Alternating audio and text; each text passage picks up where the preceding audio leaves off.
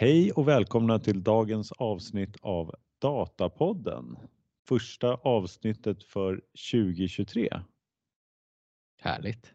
Ja, väldigt skönt och trevligt och vi har eh, mitt namn är Gustav Rengby Jag heter Konstantin. och vi har Johan Nordén tillbaka igen också. Ja, tack. Du gjorde ett, ett eh, avsnitts eh, vila och nu är Ja. du här Nu är jag tillbaka igen. med eh, eh, nya insikter för oss. Jaha, vi får se. Ja, och hur börjar man nya året då? Vilka nyheter tar man då? Ja, men man börjar med kanske med att kommentera här med Microsofts senaste. Här med att de rullar ut eh, något som heter EU Data Boundary eller EU datagräns. Och det innebär att eh, man kan processa och lagra kunddata inom EU. Så detta är någonting som rullar ut här nu från 1 januari gjorde de detta. Ehm, och då är det de som använder Azure, Microsoft 365, Dynamics och Power BI-plattformarna. Så nu ska man kort kunna begränsa var man processar datan och var man lagrar datan. Men det har varit ganska mycket snack här, eh, framförallt under hösten, eh, om det här liksom utbytet och dataflödet mellan EU och USA. Och strax innan jul här så, så gav EU-kommissionen grönt ljus för den här eh, Eh, Privacy Shield 2 eller eh, EU US Data Privacy Framework. Eh, som då ska reglera det här informationsutbytet. Så första rundan med Safe Harbor, ja, den, den följer med ett rättsfall med, med Facebook på Schrems 1 och ehm, eh, andra rundan så var det GDPR. Så att vi hoppas nu på tredje gången gilt helt enkelt där. Men det som nu skett, ja, det är en första fas av utrullningen. Men i senare faser så kommer de att utöka denna till att omfatta lagring och bearbetning av ytterligare kategorier av personlig data och däribland sådan som tillhandahålls vid teknisk support. Så man- man, blir lite nyfiken här. Liksom. Varför släpper de detta nu? Eh, Jag såg någon kommentar om att det inte kommer lösa de grundläggande juridiska problem med tredjelandsöverföringen. Men man kan ju dock tänka sig att Microsoft likt många andra storbolag eh, vill vara i mångt och mycket självreglerande. Att man går före så att man kan, kan undvika att ha ännu hårdare eh, liksom, lagar som är stiftade. Eh, och företag kan ju annars också nu räkna med att det nya avtalet kan komma att drivas igenom nu med, med eh, EU-kommissionen grönt ljus. Och då vill man inte vara sen på bollen. Och är man först så kan det ju väldigt mycket goodwill och man kan också vara eh, ja, men få många fördelar helt enkelt vara, vara först med att, att implementera detta. Mm. Ehm, Men, men sedan måste man säga att eh, Microsoft, eh, det gäller nog säkert alla storbolag, men de, de är väldigt duktiga på att framhäva sig. Eh, Hur duktiga de är. För man, man kan läsa pressmeddelandet att de redan idag exceeds current requirements och trots detta rullar ut detta. Ehm, de, de nämner här fem stycken principer som Microsoft arbetar efter. Ehm, och det gäller främst, främst deras principer mot, mot arbetet inom EU. Då. Ehm, så den första är att, att säkerställa att Microsofts mål möter Europas krav, eh, behov och svarar upp på Europas värderingar. Ganska högflygande. Men sen har vi då säkerställa att molnet är en plattform för framgång för europeiska utvecklare. Ska skapa framgång. Och sen ska man anta partnerskap med europeiska molnleverantörer. Låter jättebra. Eh, ska säkerställa Microsofts mål möter staters krav på självständighet i samarbete med lokala teknikpartners. Och det är lite grann detta handlar om och framförallt den här sista då. Förstår att stater i Europa inför regleringar och att Microsoft stödjer och anpassar sig. Så det är väl helt i linje med, med deras principer där. Men sen kommer jag tänka på en liten annan sak. För, för några avsnitt sen så eh, pratade vi lite grann om AVRS smärre haveri med den här Data Sovereignty Pledge där man, så här, man, man gav ett löfte om att man ska kunna bearbeta, liksom ha full kontroll över sin data. Ehm, och han Bob Evans då som hade skrivit den artikeln, han förfasar ju sig och det grövsta över att det, liksom, det, det var ingenting, det var bara lite tomt löfte. Eh, han saknar att det skulle vara liksom konkreta funktioner eller åtminstone en roadmap. Eh, Så där måste man ändå ge cred till Microsoft att eh, de kommer, det kommer funktioner. Det händer något här. Ja, och det Mm. fanns liksom en, en roadmap också för, för detta. Och något ställe, någon, någon, någon eh, länka till någon, någon portal där man kunde följa utvecklingen och sådär. Ja, ska vi tolka det som att Microsoft ligger mil före här, åtminstone Amazon då? Eh, inom det här området. Kan vi väl Det tolka man. in då Ja. med den Jag tror, jag tror inte det är man ens behöver tolka in det, det är så. Ja. det är så vi har så presenterat några faktiska funktioner. Så, så, så har Mm. de Microsoft ledartröjan här. Säga.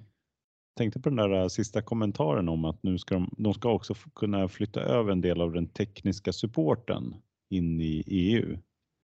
Vi hade ju också för kanske ett halvår sedan så körde vi den här eh, om Dalarna som hade köpt in en tjänst som eh, byggde på, eh, ja det, det handlade om, eh, det var väl kring eh, någon sån här insulinfunktionalitet och monitorering. Jag vet inte om den ens byggde på, på just Azure, men om den var det, då kanske det finns skäl för dem att försöka igen här om de inför den där. För det var just, då pratar de just om den här tekniska supporten, att det var liksom en, Mm. ett, det stora problemet. Det, det är ju det svåra här med även all, all den här, äh, och där, därför kan de här data boundary ha betydelse tror jag. För att Absolut. det är ju en gråskala här. Alla tar liksom beslut själva eh, utifrån någon slags gråskala vad man tror och vad man, eh, hur man tolkar de här reglerna. Mm. Så det är inte säkert att det måste vara just att den här privacy shielden går igenom helt och hållet för många tillämpningar i alla fall. Ja, så kan det mycket väl vara. Så att det finns nog eh, möjlighet att det kan påverka en del om man eh, bara lyckas den här biten. Mm. Eller vad tror ni? Alltså, precis, det här känns ju som lite av en, en kapplöpning mellan Mm. lagstiftning och leverantörerna som försöker uppnå den då. Och nu påstår ju Microsoft här att de är före. Men det, det känns som att det är andra pusselbitar de inte har satt här. Så att Mm. inte, de är inte helt hundra med europeisk lagstiftning. Men man blir, så det känns ju positivt, även om det känns som det är den här legala grejen som behöver på plats. Den här, vad kallar du den? EU, US Data Privacy Ja, Framework. Ja det- precis. Eller den- Privacy Shield 2. kanske Ja, mm. Mm. att det är den som måste landa. Det är då det faktiskt, det är liksom juridiska svårigheter. Sen de här teknikaliteterna är ju bara som du säger, det är tolkningar. Sen Mm. om de uppfyller kraven eller inte. Mm. Men man Jo, undrar, men jag, jag tror om man får igenom en privacy shield då skulle de inte ens behöva, då ska de kunna lagra data i USA också. Då är det Jaha, inte lika mm, beroende nej. av att det är i EU. men utan så det- då, då blir det en helt annan men då fråga. attackerar de ju här på två fronter Ja, egentligen. Dels så precis. försöker de eh, bli compliant med nuvarande krav och de försöker förhandla om kraven. Att de Mm. skulle kunna bli mjukare då. Mm. Ja, de, Microsoft är ju inte de som sker den förhandlingen. Kanske bakom då, men det är ju, det är ju staten. Jo, amerikanska ja. staten. Men det är väl i, Lobbyn för amerikanska bakom. intressen får man väl säga. Ja, Men man blir lite nyfiken. Jag blir lite nyfiken på hur långt kan, kan EU driva det här? Eller det blir ju EU driver det och eh, bolagen vill springa efter för att det finns en marknad i Europa. Mm. Skulle man kunna se, liksom, skulle Microsoft kunna liksom, splitta sitt bolag? Att man liksom gör ett systerbolag i EU Mm. som då skulle inte falla under amerikansk lagstiftning. Mm. Eller, alltså, man, man kan ju se massa vägar framåt de skulle kunna ta för att Mm. bli compliant här. Mm. Så det är ju, det är, man blir nyfiken på hur långt de kan bli pushade. Ja, just det.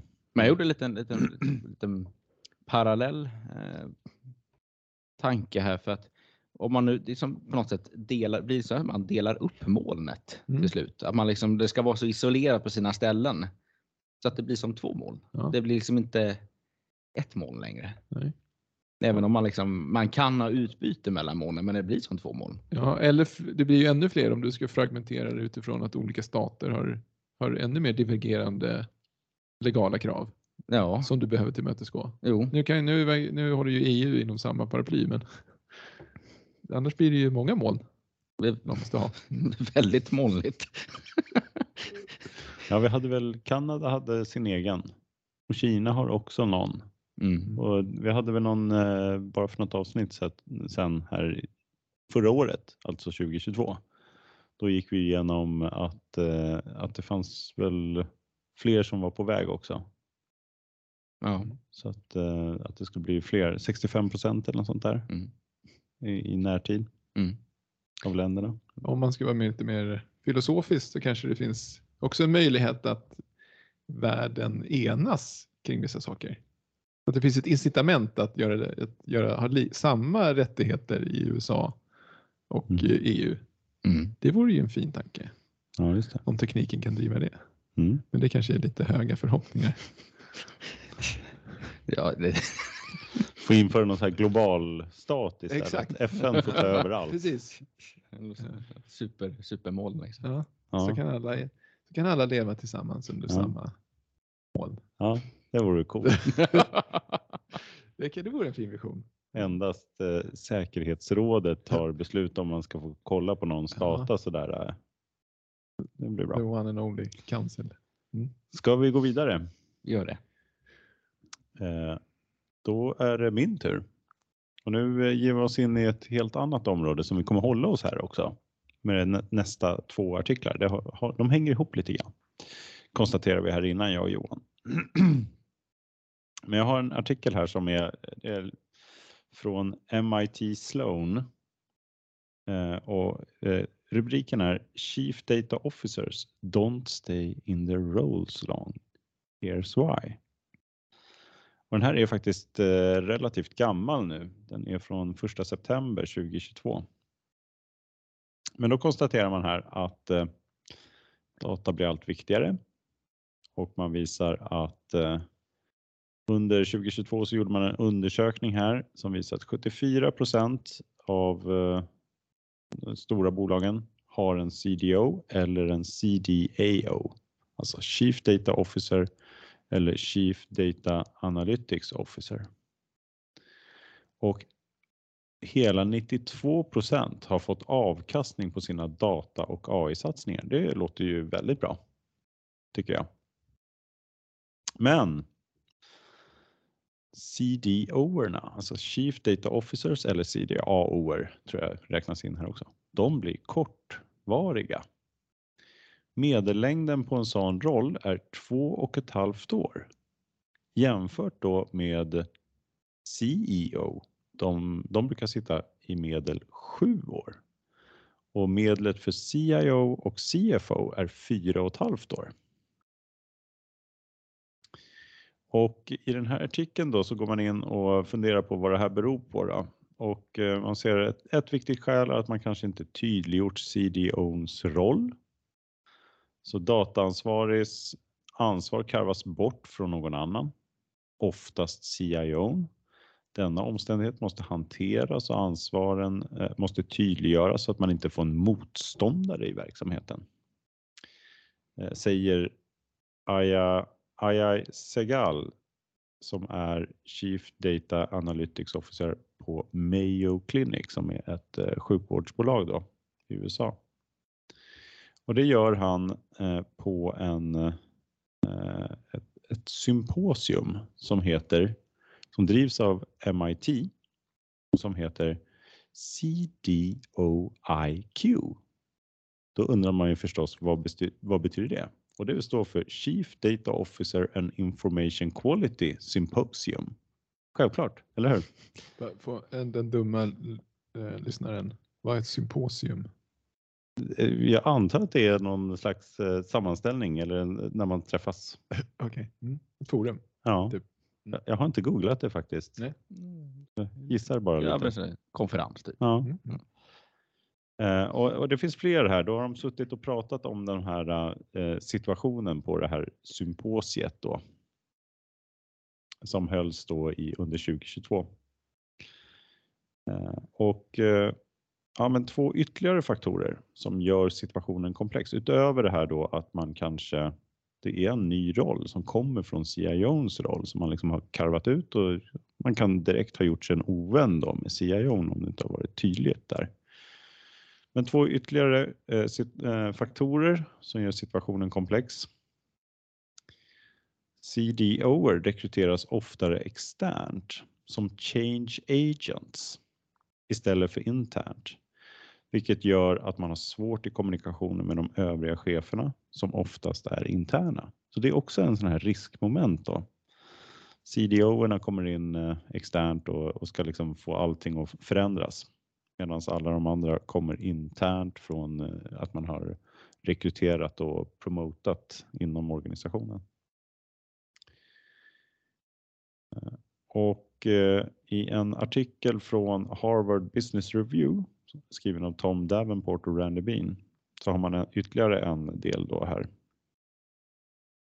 Och där, för där nämner man att en CDO har en smekmånadsperiod på 18 månader. Därefter förväntas resultat. Om man då som CDO lyckats så vill man vidare till ett nytt uppdrag. Lyckas man inte så vill man vidare ändå.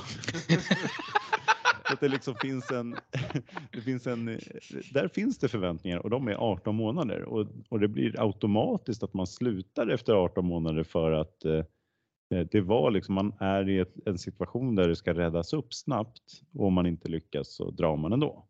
Så det blir liksom lite. Jag visste inte ens vad en smekmånad har börjat nytt jobb.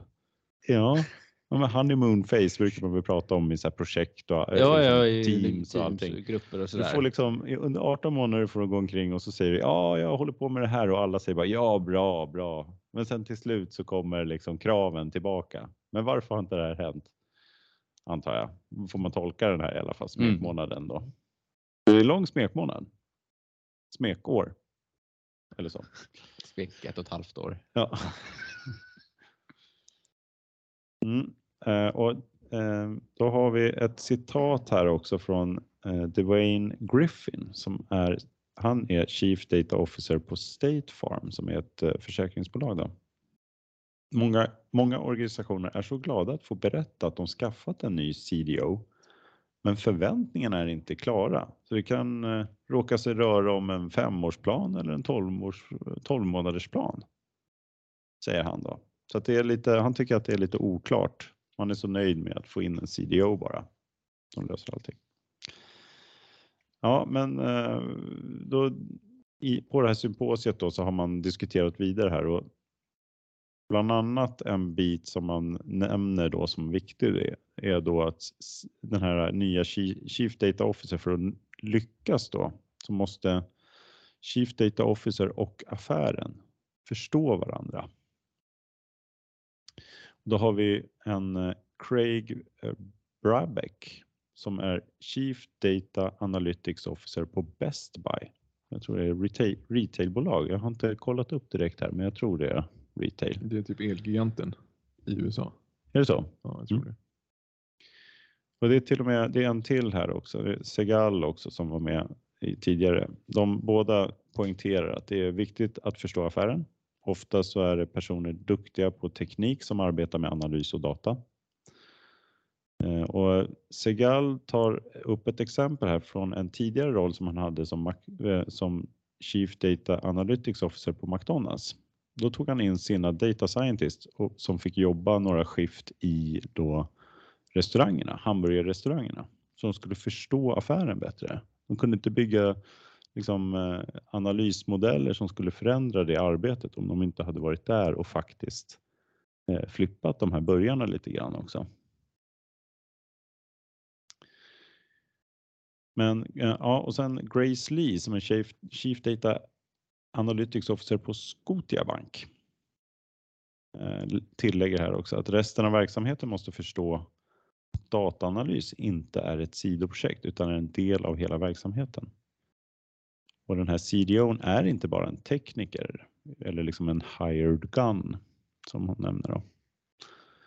Eh, och eh, sen så lyfter man då så att man måste förstå varandra. Sen måste man eh, CDOns då en av de absolut viktigaste uppgifterna för den är att visa nyttan med data.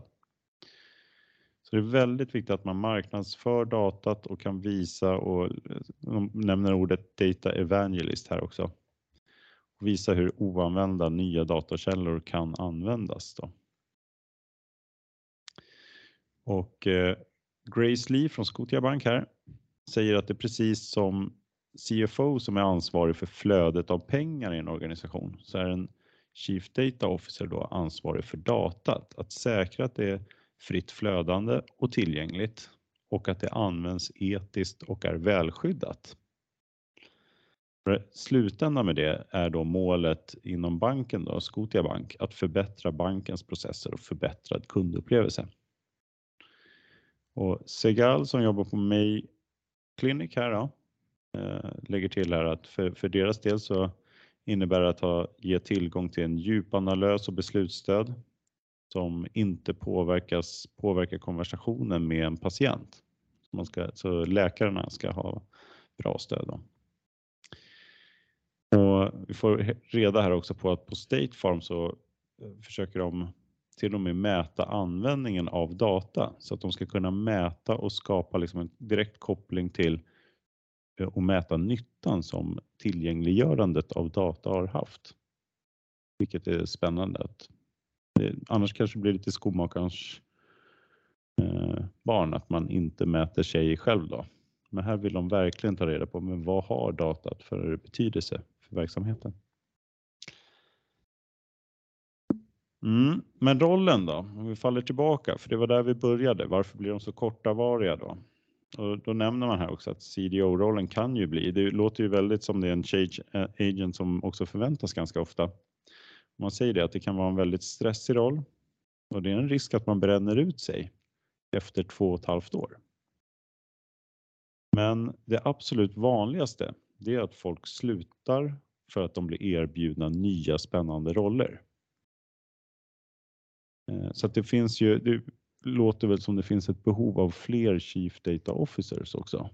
Och att de som finns är det huggsexa på, skulle jag vilja påstå. Och, men då, eh, Brabeck här lägger till att om man lyckas snabbt och det inte finns så mycket kvar att göra så kan det bli, så kan det bli kort av det skälet. Han själv hade varit två år på McDonalds då. Under hans tid så ökar de försäljningen i digitala kanaler med 60 procent på sina största marknader. Och det förstår man ju också om man är då den här change agent så kanske man inte vill vara kvar längre än så.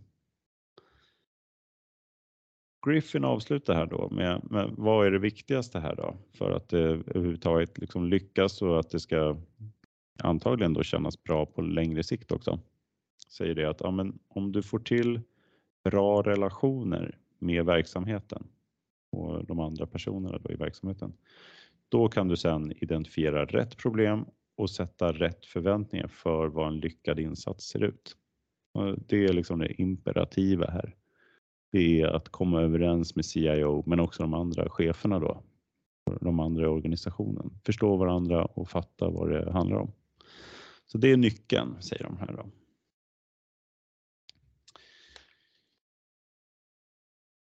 Är det liknande i Sverige tror ni? Och är, är det här liksom också att Head of Data Analytics är sådana här uh, change agents eller rockstars nästan som det, man får känslan av här? Vad skulle ni säga? Alltså, till att börja med så undrar man ju hur, hur många bolag har en sån här CDO? Det, det, här är ju bara de som har det. Som den här uh, stycken ja. handlar om. Uh, är det liksom en av...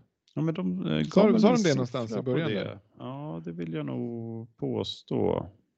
74 procent. 74 procent av alla bolag har en CDO. Eller en CDAO. Ja, så det är ju där, en analyschef. Och, och det tror jag är en stor skillnad i Sverige.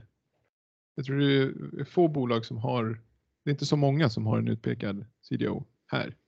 Min känsla mm. i alla fall. Så analysjobbet är lite mindre. Ja. Man kanske, och CIO har lite mer av datahanteringen under sig. Jag tror det. Det är väl den första sån mm. insikt. Det kan nog stämma. Men eh, i övrigt kan det säkert stämma. Alltså som, som eh, att det ser likadant ut här, att man är mer av en change vad heter den? Change agent. Change liksom. agent sådär så att man kommer in och gör sitt jobb. Det, det är lite motsägelsefullt för att de säger också att någon tycker att så här, men vi är inte hired guns. Nej. Och ibland så ja, verkar men... det vara just förväntningarna på dem att de ska vara det. det. det. visar väl lite på att den här rollen är lite omogen. Mm. Alltså som jag ser det, om, om de nu ser sig, sig själva som förändringsledare och de ut, utomstående förväntningarna är lite som en förändringsledare. Då är ju att ha det som en C-level roll Känns, det känns, antingen så, så är den omogen eller onödig. Mm. För annars är det ju bara ett förändringsarbete och sen är det klart. Mm. Och har man väl blivit datadriven då, eller vad tanken är, då är man klar. Då behöver man inte den här rollen. Mm. Men det, jag tror att behovet är långsiktigt och att den är bara omogen idag. Man behöver inse att det här är någonting man behöver göra löpande. Det är inte bara ett skifte. Utan sen kommer man behöva göra det här kontinuerligt. Men Johan, om du hade ett stort bolag, du ägde det själv här Mm. Eh, och kanske var VD till och med. Mm. Och så fick du möjlighet här så här, nu ska jag anställa ändå en Chief Data Officer. Vi har bestämt oss för att dela upp det. Ja. Vad skulle du själv välja? Om du fick välja då så här, ja men jag har en som har tio gånger lyckats med att vända eh, sjunkande skepp. Jag sa inte det, men ditt bolag går inte så bra. Går inte bra. Nej. Det är jag, har inte mycket fa- jag har pengar. inte fattat det här med data. amortering och sånt där som ska Ja. in. Och, nej, men och, och, så att du har eh, den möjligheten, tar den här personen tio projekt bakom sig eh, och lyckats liksom få eh, vinst i, eh, ja, liksom från eh, vad som helst. Mm. Eller så har den där interna personen som ändå som är långsiktig. Eh, det är liksom datat är en, en, ett maraton. Kanske man till och med skulle säga. Och den personen fattar det och liksom har jobbat på ändå på sin hörna i organisationen. Vem skulle du ta till rollen? Ja, men, och det, då ska det diplomatiskt svar då. Eh, det är det som i andra ledarroller. Om det, är, om det krävs stora förändringar, då behöver man byta ut ledarskapet. Det är som om det, då kanske man ska byta ut mig. CEO. Så du får gå. Så jag och så får får gå. någon annan ta beslutet. nej men just det här, om, eh, hårda tider kräver eh, liksom förändring. Ja. Eh, och, då kan, och det kanske just är det så här, ja, men nu står vi inför, nu har vi, ja, är vi mitt i en digitalisering eh, för, av många bolag och branscher. Och då kanske det behövs en sån här, då blir det mer av en förändringsledare. Mm. För där är rollen just nu. Mm. Men, och då kanske den blir, man behöver gå in i en långsiktighet efter det. Mm. Så att det kanske inte är så att nästa CDO som tar över efter den här första förändringsfasen Mm. kanske ska ha ett annat fokus. Att det, liksom hålla, och då kan det kräva hos olika personer. Vissa personer Mm. är bättre på att driva förändring och andra är bättre på att förvalta Mm. eh, det man har. Om du inte står inför den här, om vi tar bort det då? Blir det någon Nej annorlunda? men, nej, men då kan jag börja med den här eh, Testa. eh, Jag börjar ta in den här förändringspersonen externt och så förväntar jag mig nu när jag vet att de stannar i 18 månader.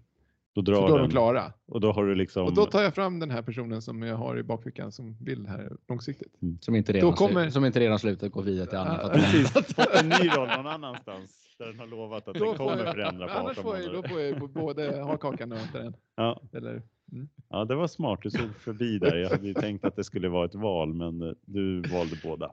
Bra. Intressant. Jag, funderade på den här eh, siffran. Man måste ju vara lite eh, liksom eh, mot, eh, säga emot här också. Kan inte liksom den här korta medeltiden bara bero på att rollen är väldigt ny? jo, det tror jag. Alltså för att jämföra det med CIO på fyra och ett halvt år. Ja. En roll som då har bara funnits kanske i två år. Ja. Mm. Hur kan man förvänta sig så långa Nej, det går inte. tenures då? Precis, om man backar sju år tillbaka i tiden, fanns den här rollen ens då? Ja, jag skulle vilja se den här siffran viktad mot okej, hur många som började för sju år sedan Ja, och så räkna ut tenure på dem bara ja, så blir det mer intressant. ja. Mm. Då skulle den relativt vara jättelång kanske. Om man jämför med ett CEO, CIO har man haft i 50 år. Ja, nej, men jag tänker om man bara skulle jämföra CIO som började ett jobb för sju år sedan Mm. och CDOer som började för ett sju år sedan och så se där skillnaden på liksom, risk att man hoppar av Mm. någonstans på vägen. För här blir ju så himla, Men det kommer inte Eh, finnas som sådana. kanske några stycken, eller analyschefer kan man väl i alla fall Ja. kolla då. Men de kanske inte har, är det där rollen heller som de pratar om här. Men ja, jag, jag måste säga misstro siffrorna Mm. Eh, för att man inte ser datat som de har utgått ifrån. Det är väl lite, liksom, här, här kommer den här analytiken i, igen fram. Eller Liksom. arbetsskada. Att det, det, här är inte, det, det här kan vara felaktiga siffror och, och bara en clickbait alltihopa. Men jag blev ju lite clickbaitad här i alla fall på Mm. att eh, ja, men varför skulle CDOer vilja, Mm. varför ry, ryker de så snabbt? Mm. Så att, Man, vill, eh, man man är lite nyfiken på vart de tar vägen. Ja, men då gick de ju vidare. Ja, men Vad- Till att bli CDO någon annanstans. Ja. Eller CIO eller Nej, då blir man CDO på ett annat bolag. Mm. Går de vidare. 18 månaders smekmånad. mm, precis, det gick dåligt. Och så går kan man man bara och glida runt i en eh, kon, konstant smekmånad. kan man göra så? Ge inte Konstantin några idéer. Alldeles strax kommer vi se hur Konstantin byter sin titel på LinkedIn. Det kommer stå så här change agent inom CDO-skap eller något. Ska vi gå vidare? För nu, har vi, liksom, nu ska vi djupa in här på en del av CDOns roll kommer vi överens om här. Eller, ja, ja, men vi här precis. innan. Ja, men ni är ju duktiga på att hitta nyheter. Nu tyckte du att du tyckte att den här artikeln var gammal, den var från september. För mig är det liksom rykande färskt. Eh, Ja, jag var är- det förra gången det kommer 22 år gammal Precis, bok? eller förra gången var jag, när jag var här Eller var innan, ännu hellre? när jag var här innan jul var det 22 år eh, gammal när vi pratade om agila manifestet. Eh, men Men den, var, var, den var innan Gutenberg började liksom, så du hade en handskriven version av den. sten, Ja, men- stentavlor. Liksom. men om, man då, om nu CDO är en ny roll så är ju mycket av det den håller på med kanske inte så nytt. Då. Mm. Ehm, men jag har hittat, jag har hittat en, eh, en fin blogg som heter dataflock.com där det står mycket datarelaterade grejer. Kanske inte så nyhetsvärde men mera eh, då, intressanta bloggartiklar. Och en av de senaste som publicerade där heter The Role of Data Governance in Data Management. Lite torrt och tråkigt då kanske många tycker, men jag tycker det här är superintressant såklart. Och den är inte, som sagt, det är ingen nyhet så, utan den är mer bara benar ut eh, Eh, begreppen data management och data governance. Som alla kanske inte har helt hundra på vad det är. Eh, så den, den första frågan här då är vad är data management? Och då eh, definierar de det som eh, arbetet med att skapa och driva eh, de delar som behövs i en organisation för att hantera sina data. Eh, eller kanske snarare så här definiera, eh, skapa de element som behövs eh, i organisationen, som de kallar det. Eh, Och det här gäller då allt från att generera data, samla in, lagra, eh, men även göra sig av med då, när det behövs. Eh, Och eh, eh när de här delarna är på plats, då kan man ju liksom få utväxling och effektivt analysera och använda sina data. Eh, och då eh, benar de också ut där vilka delar data management består av, de här the elements of data management. Där det första är data preparation, samla in och omvandla rådata till något användbart. kan man säga. Eh, det andra är eh, någonting som vi är familjära med, ETL, som ju då eh, är nära data prep, men det innebär då processen att strukturerat datapreppa och för, långsiktig förvaring. Typiskt i DB sen då. Sen nästa del är data catalogs som då handlar om att eh, eh skapa metadata över sin data så att man får översikt över vad man har och kunna söka efter rätt data. Nästa är data architecture eh, som då innebär att skapa struktur och ordning i hur man hanterar sina data så att det, så man kan använda så effektivt som möjligt och eh, göra det hela skalbart. Sen har vi data security. Att skydda sina data från otillbörlig åtkomst, förändring eller förlust. Eh, data pipelines som då är kopplingarna eller vägarna som möjliggör automatiserad överföring av data mellan olika system. Eh, data warehouse. Det långsiktiga stället där man lagrar sina data från olika system för att sen kunna återanvända det för analys. Och den sista pusselbiten då i, i data management är just då data governance.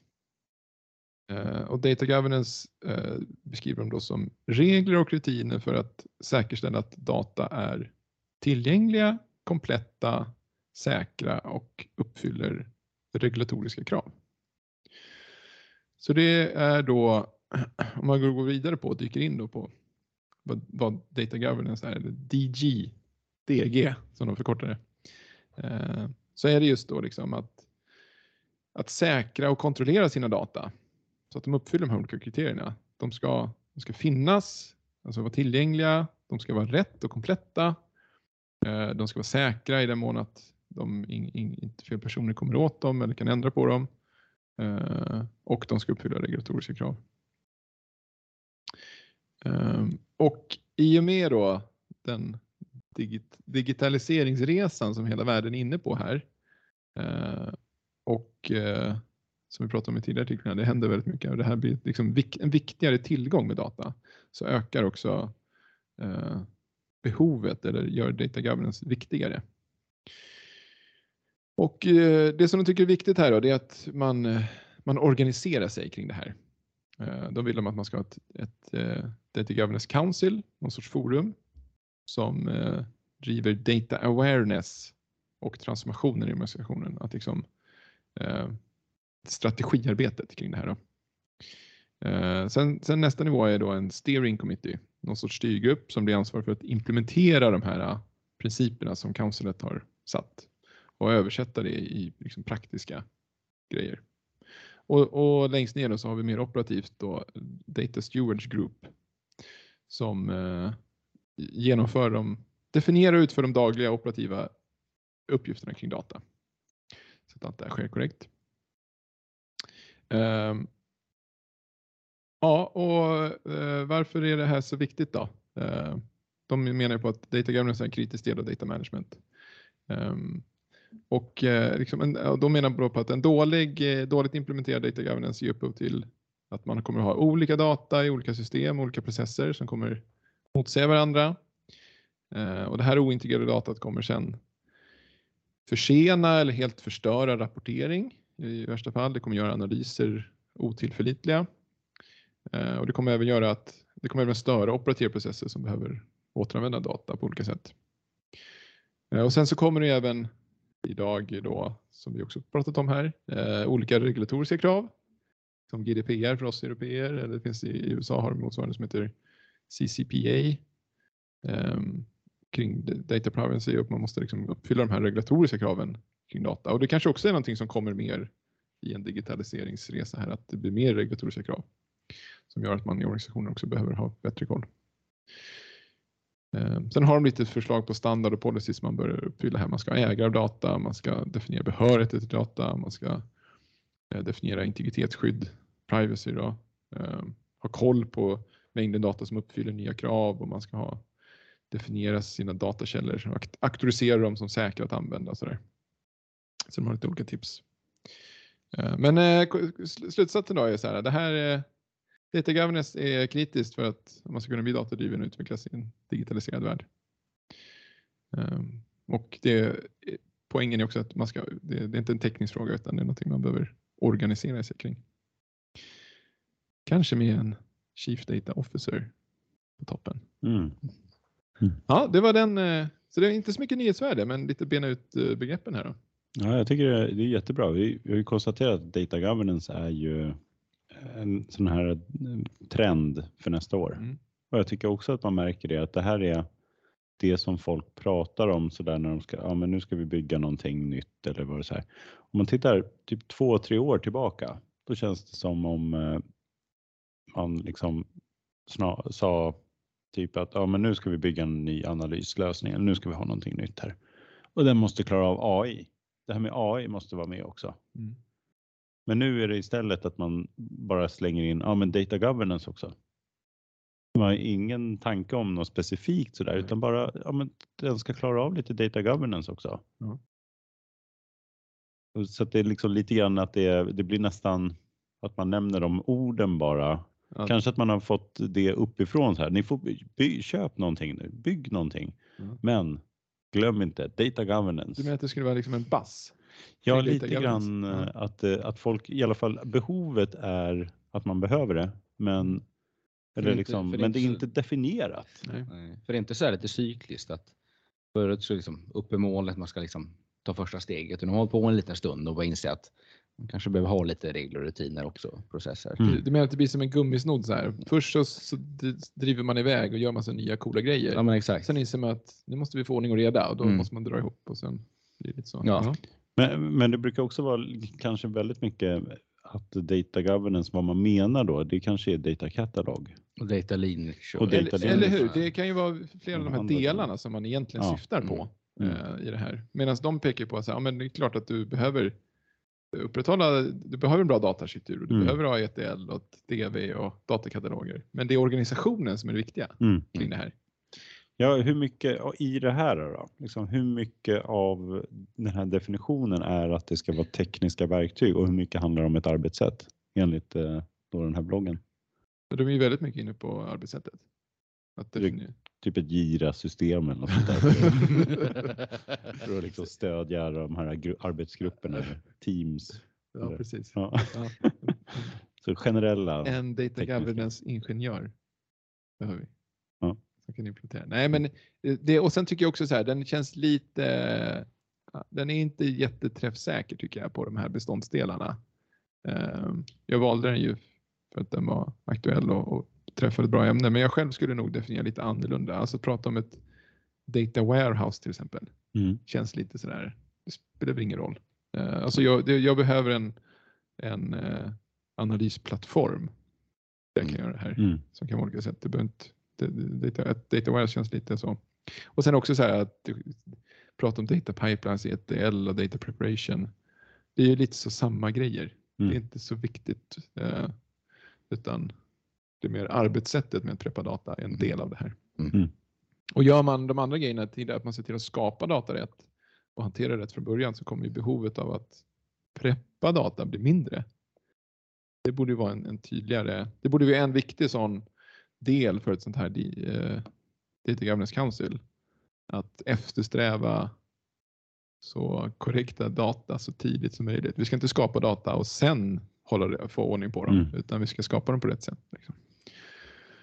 Så att, eh, det, är, det blir ju inte, skulle man kunna, det skulle vara intressant att dyka i, så här, men om ett, ett sånt här Data- Governance Council ska, ska ta fram riktlinjer för sånt här, eh, vad skulle de vara?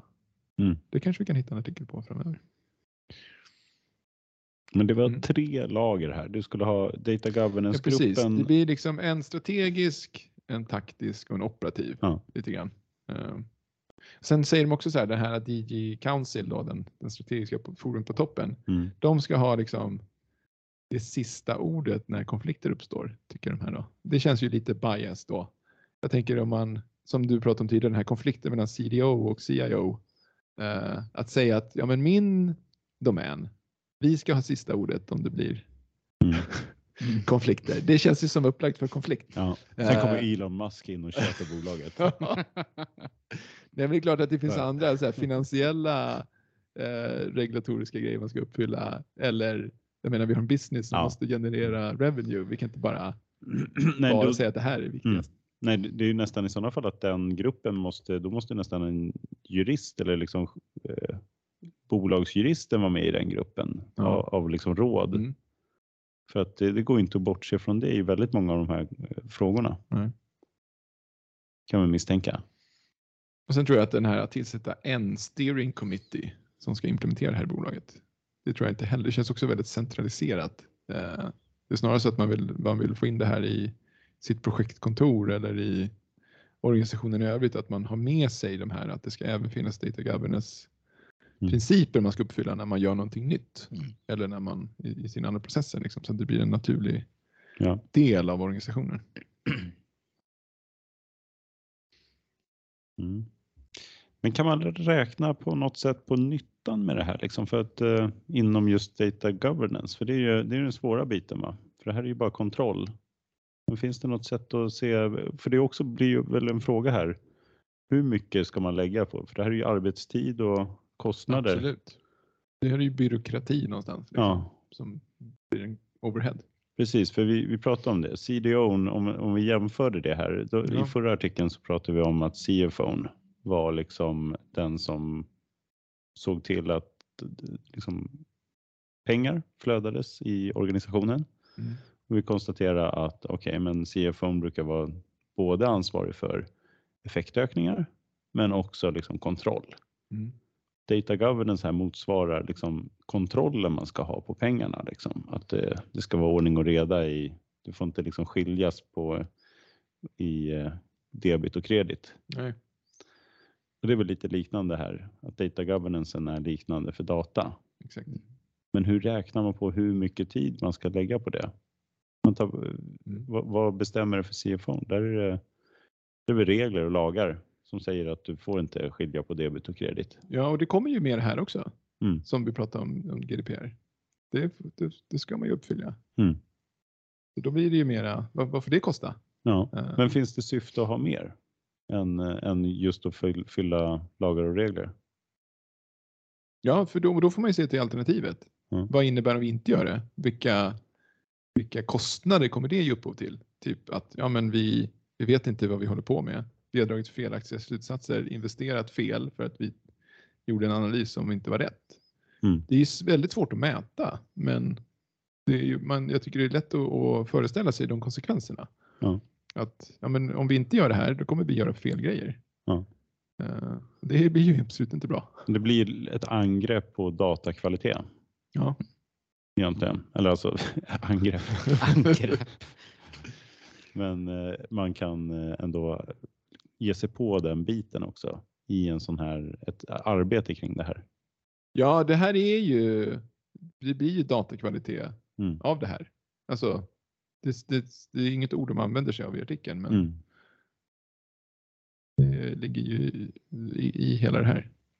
Man får rätt data. Liksom.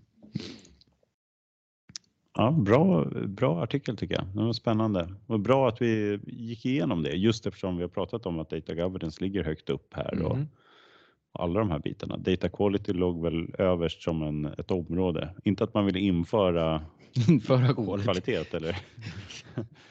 ja, men, eh, men så att det är väl viktiga begrepp här och den här BARC-studien som, som vi gick igenom förra avsnittet här 20, 2022. Toppen. Är vi klara där? Jag är nöjd. Ja, jag är väldigt nöjd också. Ja, Härligt. så eh, får vi önska alla en god fortsättning. God fortsättning önskar vi alla där ute och hoppas att ni kommer igång eller har kommit igång med jobbet och passa på Och- att ta det lite lugnt här och reflektera över datakvalitet. Precis, har ni kommit igång med er data governance? Ja. Tagit er förbi smekmånaden? Ja. och organisation, det är en organisationsfråga. Ja. Inte bara, eller systemen är, stödjer sedan organisationen Ja. eventuellt. Ja. Tack så mycket. Tack. Hej då. Hej då. Vakna klockan fem, det är mörkt nu igen Som om idag